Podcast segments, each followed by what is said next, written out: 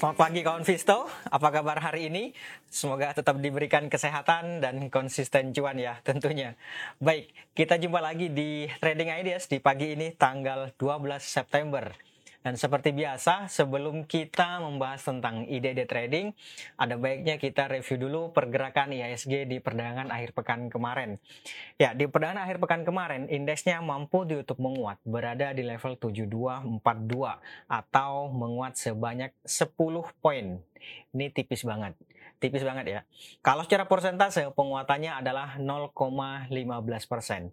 Nah kalau dilihat dari pergerakannya, memang di awal dia sempat mengalami bisa dibilang panik buying, panik buying gitu ya mampu dibuka menguat cukup tinggi, tetapi itu tidak bertahan lama. Kemudian ada tekanan jual yang memaksa indeks kemudian bergerak di teritori negatif gitu ya.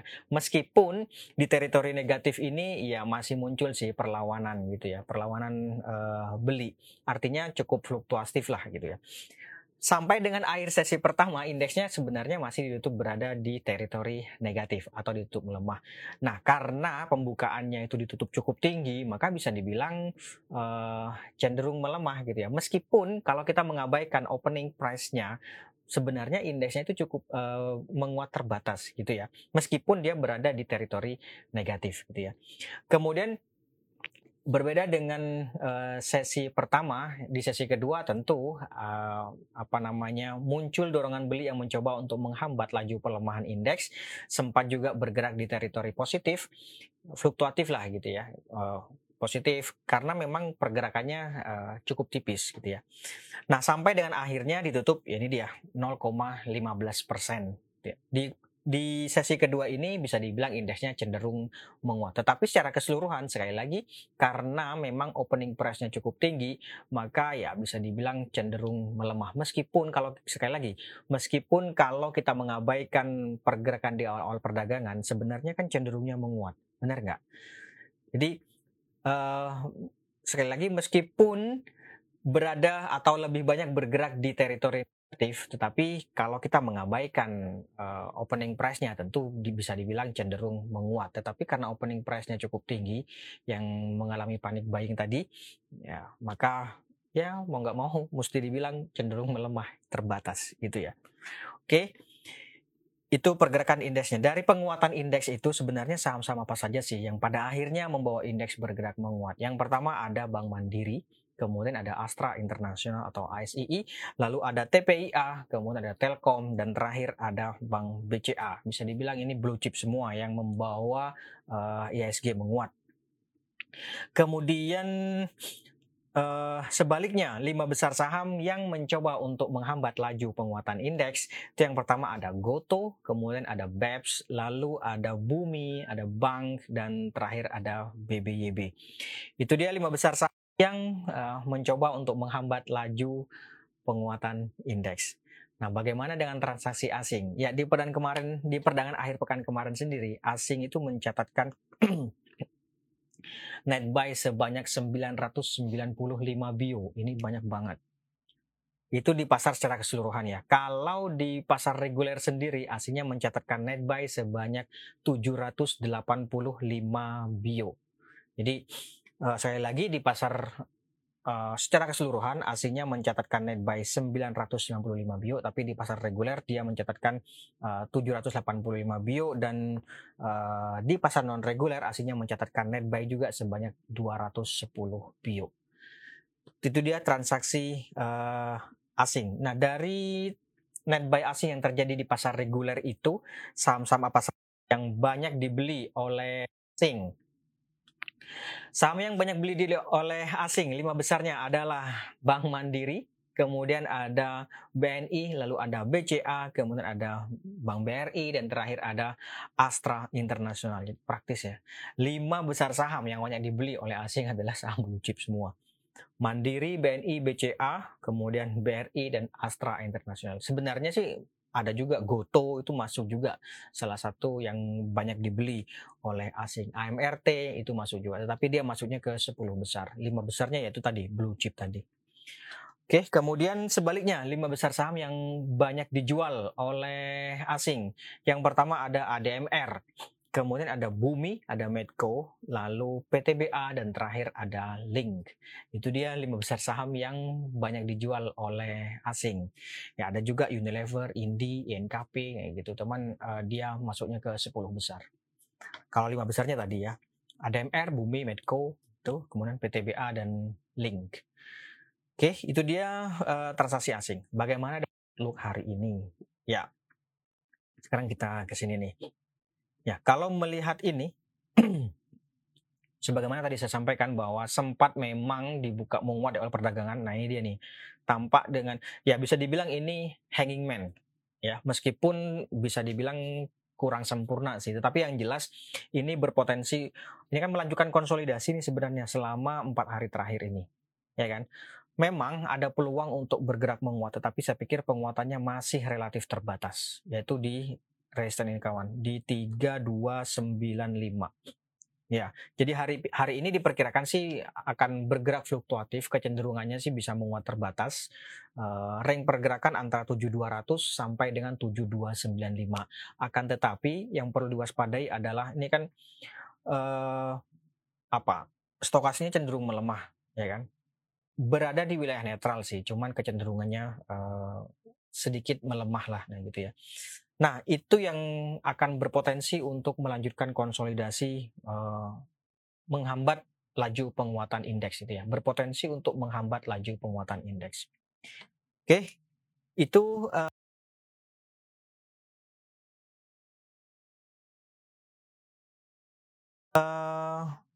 IHSG. Kemudian sekarang kita ke ide trading. Barangkali ada uh, ide trading yang mau didiskusikan, boleh disampaikan nanti kita lihat bareng-bareng.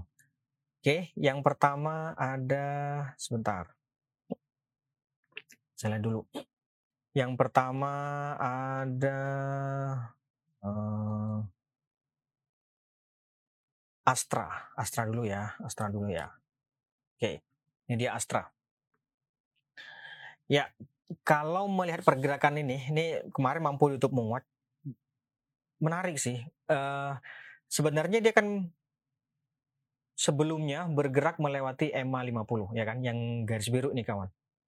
Akan tetapi dia tampaknya mencoba untuk bertahan di atas 6600 ini.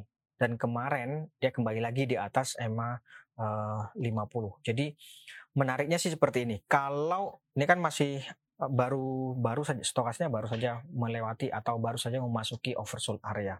Jadi ini idealnya adalah buy on weakness.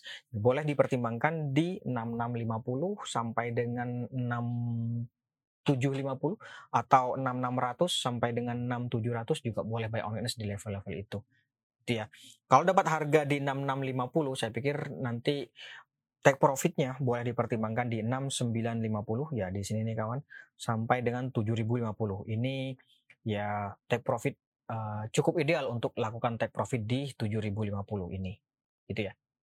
Oke nanti stop lossnya kalau uh, harga ternyata melemah sampai di bawah sini nih kawan. Di bawah 6550 saya pikir boleh sih dipertimbangkan untuk amankan modal terlebih dahulu karena potensinya sampai ke sini 6325 gitu ya. Nanti bottom fishingnya di sini lagi gitu Oke, itu dia uh, Astra. Cukup menarik untuk Astra hari ini. Berikutnya ada PNIN. Oke, ini dia PNIN. Ya, PNIN di perdana kemarin YouTube melemah uh, eh, 2 poin atau 10 perak gitu ya. Tampaknya harga masih mencoba untuk bertahan di 1095 nih. Ya boleh sih buy on ini di 1095 ini ya nanti target take profitnya kalau dapat harga di 1095 menurut saya sih 1125 sudah bisa sih dipertimbangkan untuk take profit. Ya nggak sih? 1125 kalau dapat harga di 1095 coba ya kita hitung ya. Kalau dapat harga di 1095 2,7 persen bersihnya 2,3 persen. Cukup sih itu sudah. Atau ya tentu uh, apa namanya cukup ideal di sini nih 1160 ya. Itu yang pertama. Yang kedua adalah boleh saja misalnya buy on breakout. Misalnya hari ini ternyata nggak bergerak melemah nggak sampai 1095 justru malah bergerak menguat di atas sampai di atas 1125 nggak ada salahnya juga sih untuk trading buy. Ya nanti target take profitnya nih ini 1160 atau ya paling dekat 1145 1145 1160 dengan demikian bisa disimpulkan bahwa resistance level terdekat dan closing kemarin itu berarti 1125, 1145, 1160 gitu ya. Supportnya ya 1095, di bawahnya ya di sini kawan ini berapa nih? 1050. 1050 kemudian 1030. Nih, di sini 1030. Oke. Itu untuk penny N kawan. Kemudian kita lanjut. Ada lagi CMA. Nah ya, SCMA kemarin mampu YouTube menguat meskipun tipis ya, hanya satu poin, cukup menarik sih ini. Ini uh, ada dua strategi, boleh buy on weakness atau trading buy gitu ya trading buy atau kalau mau lebih confirm lagi ya buy on breakout di atas 226 tapi 226 kan tipis ya kemarin dua bisa dibilang ini uji resist lah gitu ya. Uji resist di 226 bisa saja buy on breakout di atas 226 tetapi menurut saya sih ini seperti buy atau trading buy juga boleh sih. Nah target take profitnya di sini kawan. 232 kemudian di atasnya ada 236 232 236 kalau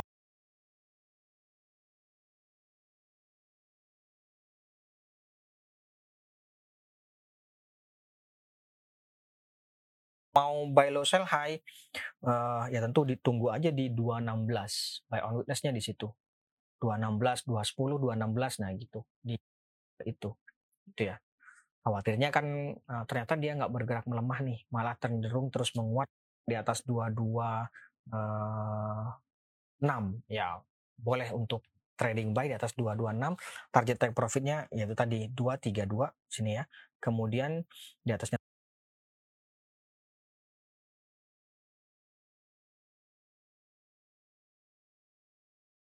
lagi ada 236. Oke. Itu untuk SCMA. Kita lanjut. Ada lagi Pani. Wah, ini Pani ada aksi korporasi tampaknya uh, ini belum diupdate. Kita kita skip dulu ya. Daripada saya salah nanti uh, view-nya nanti kita perbaiki dulu. Besok kita lihat lagi Pani. BKSL, BKSL. Nah, ini dia BKSL. Ya, sebenarnya harga cenderung melemah selama beberapa hari terakhir ini, ya kan? Bisa dilihat nih, tiga hari terakhir lah dia cenderung melemah. Setelah mengalami penguatan cukup tinggi di sini, dia cenderung melemah dan itu wajar sih. Apalagi ini terjadi uh, open gap gitu ya. Nah, kalau cenderung melemah ini, idealnya adalah buy on weakness kalau bicara ideal di sini nih kawan di boleh dipertimbangkan di 61 ya 61 sampai dengan 6 berapa? 64 61 64 ya oke okay. di level-level itu cukup ideal untuk uh, buy on weakness gitu ya. Kalau misalnya hari ini dia bergerak menguat sampai di atas 69 boleh saja sih untuk ikutan trading buy gitu ya. 69 ya. Targetnya nanti nggak usah jauh-jauh 72 cukup sih harusnya. Bahkan 69 jual 70 juga sudah untung sih. Masalahnya cukup enggak itu aja sih. Ya 72 uh, resistance level terdekat. Kalau dapat harga di atas 69 kemudian di atasnya ada 75 gitu. Kalau misalnya hari ini dia atau begini misalnya hari ini dia dibuka menguat di atas 67 nih atau bisa langsung dibuka di 69. Kalau langsung dibuka di 69 uh, menurut apalagi di atasnya 69 gitu ya menurut saya sih ada baiknya dipertimbangkan buy on witness saja. Tetapi kalau misalnya dia dibuka melemah katakanlah di 65 kemudian dia bergerak naik sampai di atas 67 di atas closing kemarin bisa saja ikutan spekulatif buy nanti target profitnya ya nggak usah jauh-jauh 69 berarti di atas 69 kan 72 kemudian ada 75 itu ya Oke, itu untuk BKSL. Kita lanjut lagi. Ada BBHI. Oke, BBHI ya. Sebentar, sebentar saya lihat dulu. BBHI. Nah, dia BBHI. Ya, BBHI nampaknya nih. Dua hari dia sudah bergerak di bawah ini nih, di bawah 3170. Jadi saya pikir uh, mending tunggu kalau ini kan sudah berapa lama nih? Lebih sih dari dari dua pekan ya. Lebih yang jelas sepekan lebih sih, dua pekan kayaknya kurang. Dia mengalami tekanan jual terus-menerus. Ya kan? Dan menurut saya kalau baru mau masuk mending tunggu dorongan beli. Ya, misalnya nih hari ini dia uh, mampu ditutup menguat atau mampu bergerak menguat sampai di atas 300 ya boleh saja ikutan spekulatif buy tapi nggak usah jauh-jauh jadinya. Cuma segini nih kawan. 3190 nanti. Yang jelas resisten level resisten levelnya ada di 3190 nih di sini. Idealnya kalau mau ideal banget ya tentu buy on breakout di atas ini. 3200 lah di atas 3200 itu idealnya gitu ya. Misalnya hari ini bergerak di atas 3200 ya boleh deh spekulatif buy atau uh, ikutan trading buy. Tapi setidaknya kalau memang mau setidaknya ya di atas 3100 sih. Setidaknya gitu ya. Nanti kita lihat di 3090 eh, 3190 dia bisa nggak bergerak di atas itu di atas 300 apa kembali lagi 39 3190 kalau nggak kuat ya udah take profit aja di situ gitu ya. Nanti di atas 300 ikutan lagi kita. Gitu ya. Yang jelas tunggu dorongan tunggu muncul dorongan beli saja intinya ya buy on breakout gitu sih. Breakoutnya di mana ya itu tadi sudah dijelaskan ya. Oke, itu untuk BBHI. Kemudian ada lagi sebentar. Uh, Semen Indonesia. Semen Indonesia dulu. Nah ini dia. Ini sebenarnya harga mengalami konsolidasi nih selama berapa hari, oh, bukan berapa hari sih. Nih mudah-mudahan kelihatan ya. Saya coba gini. Nah, ini ya. Ini kan dia sampai dengan saat ini mencoba untuk bertahan di atas ini kawan. 6350. Sebenarnya sih cukup menarik, cuman uh, idealnya menurut saya sih ini buy on weakness saja. 6400 sampai 6500. 6400 di sini kawan. Yes, uji sedikit sedikit di atas resistance level lah. Tapi saya pikir oke okay sih. 6400, 6500 itu buy on witness di level-level itu.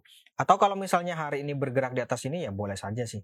Bergerak di atas 66 6700 ya. Ya, kalau bergerak di atas 6700 bisa saja ikutan spekulatif buy gitu ya. Tapi kalau bicara ideal, sekali lagi, kalau bicara ideal, maka ini idealnya buy on witness boleh dipertimbangkan di 6400 sampai dengan 6500. Kalau dapat harga di 6500, saya pikir 6750 sudah cukup sih. Nggak usah jauh-jauh. 6750 itu di sini kawan. Nih. 6750, kemudian di atasnya ada 6850. Gitu. Misalnya hari ini dia bergerak menguat di atas 6600, eh, 6650 katakanlah kita dapat harga di 6675 atau 6700 kita dapat kayaknya sih nggak worth ya kalau langsung pasang jual di 6750 bener nggak? Ya boleh di atasnya 6850 oke lah gitu. Tapi sekali lagi kalau dapat harganya di 6500 atau 6550 bahkan 65 apalagi 6500 ke bawah gitu ya saya pikir uh, 6750 cukup sih. Ya enggak oke itu untuk uh, eh, SMGR. Nanti stop lossnya ya di bawah ini kawan 6300 di bawah sini nih. Gitu ya. Oke, itu untuk Semen Indonesia. Kemudian kita lanjut ada BMTR. Nah, ini dia BMTR.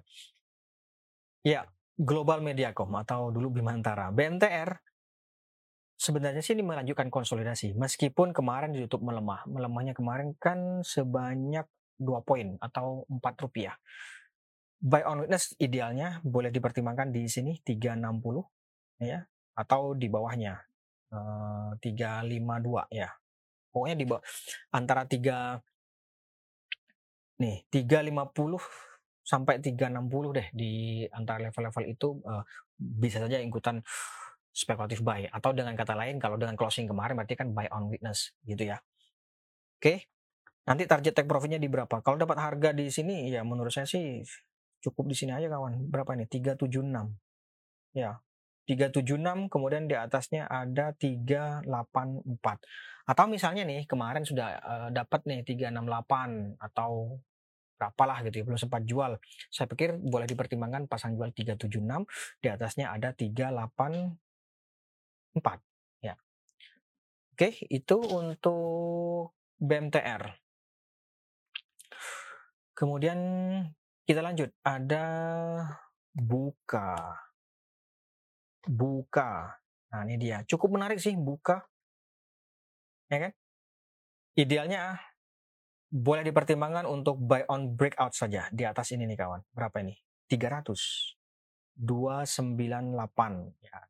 Di atas 298 atau 300 ya bolehlah uh, di atas level-level itu. Gitu ya. Kenapa? Karena sampai dengan saat ini dia kan masih belum mampu nih. Ini kan uji EMA 50 nih. Ya enggak? Kemudian coba saya gedein ya. Nih. Ya kan? Ini ada death cross di uh, EMA 50-nya. Oleh karena itu maka mending on breakout saja di atas ini. Di atas 300 dia atau di atas setidaknya di atas 298 lah. Di atas 298 buy on breakout nanti target take profitnya di berapa? 306 kalau dapat harga di katakanlah 300 misalnya 306 cukup nggak atau di atasnya lagi nih di saya kasih uh, idealnya sih di sini ya 316 ini take profitnya tapi yang jelas buy on breakout dulu dah. Gitu ya. Nanti kalau misalnya dapat harga di atas 298, stop lossnya di berapa? Stop lossnya di bawah uh, di bawah 294. Kemarin sini 290 gitu. Kalau dapat harga di atas 300 atau di atas 298 gitu ya. Atau ya dengan closing kemarin uh, buy on breakout sih memang di atas 298 ini. Mau gimana lagi gitu ya. Itu kalau bicara ideal gitu ya. Kalau lebih sukanya buy low sell high ya tunggu lagi sih di bawah sini berarti ya kan. Ini kan resist nih. Berarti kan harusnya ketika uh, resist kan dia uh, balik lagi ke sini ya nggak sih bounce back bounce back gitu namanya ya 278 ya di sini sih ininya uh, cukup idealnya gitu ya. Tapi kalau melihat stokastiknya yang cenderung menguat ini, ini kan ada peluang untuk bergerak di atas 298, makanya buy on breakout gitu. Oke, itu untuk buka. Kita lanjut, ada Raja. Nah, Raja kemarin juga kembali ditutup menguat, tetapi sekali lagi penguatannya sudah mulai terbatas dan ini wajar. Sudah sepekan terakhir dia mengalami rally, ya volume sudah cenderung melemah jadi saya pikir nggak ada salahnya dipertimbangkan untuk pasang trailing stop. Misalnya kalau supportnya kan di sini nih kawan. Berapa nih? 1150 ya 1150 supportnya. Jadi uh, di situ boleh sih dipertimbangkan sebagai trailing stop. Atau misalnya hari ini kembali bergerak uh, katakanlah misalnya hari ini ditutup uh, dibuka melemah gitu ya. Kemudian dia bergerak menguat sampai di atas 12.05, boleh saja ikutan trading buy.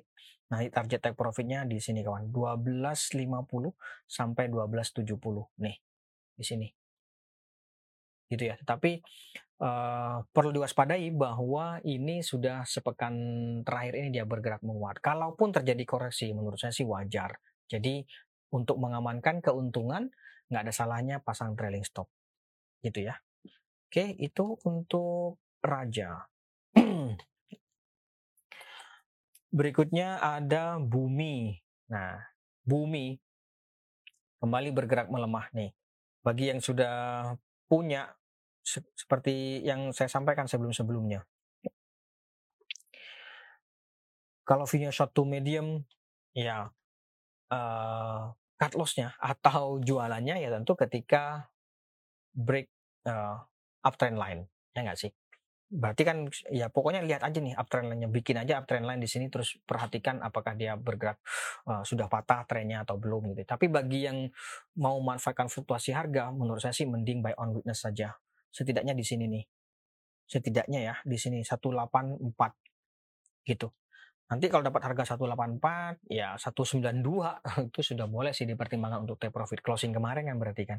Yang jelas resistance level terdekatnya kalau dengan kemarin closing kemarin itu berarti 197, kemudian di atasnya ya 200. Uh, eh, tentu level psikologis kan.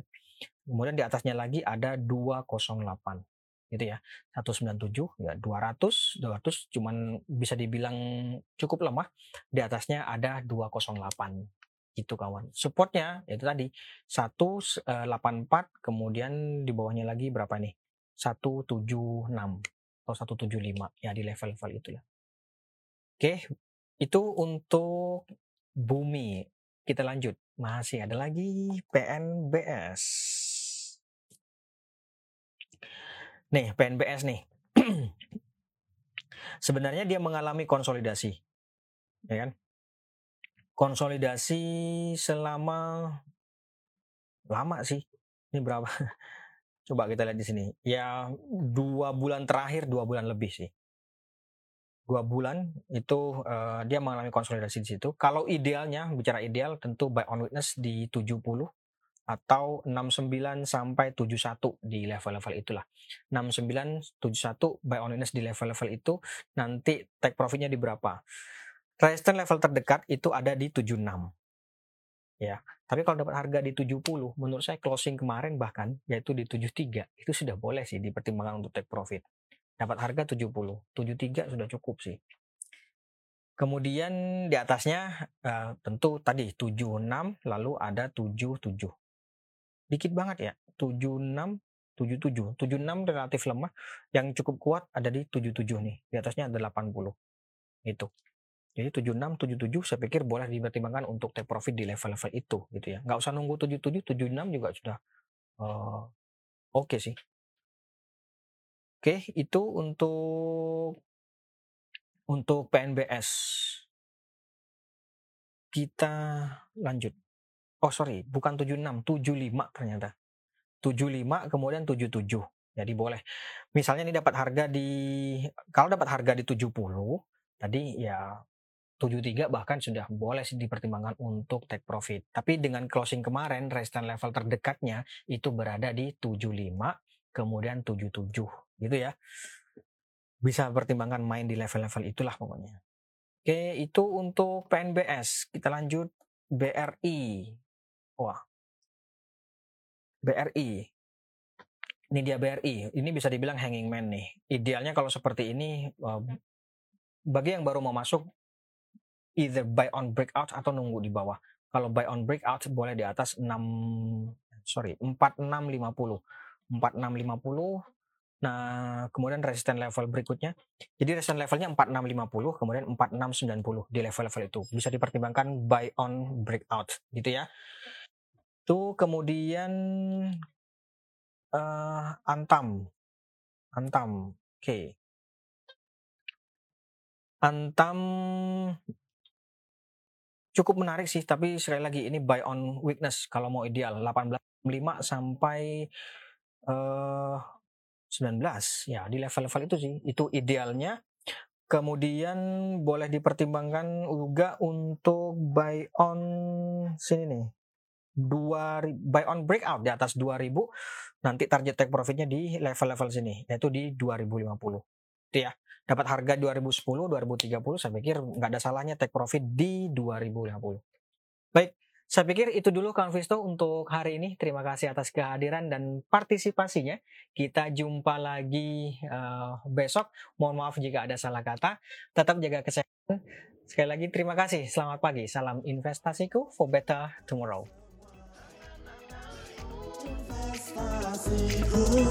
for better tomorrow.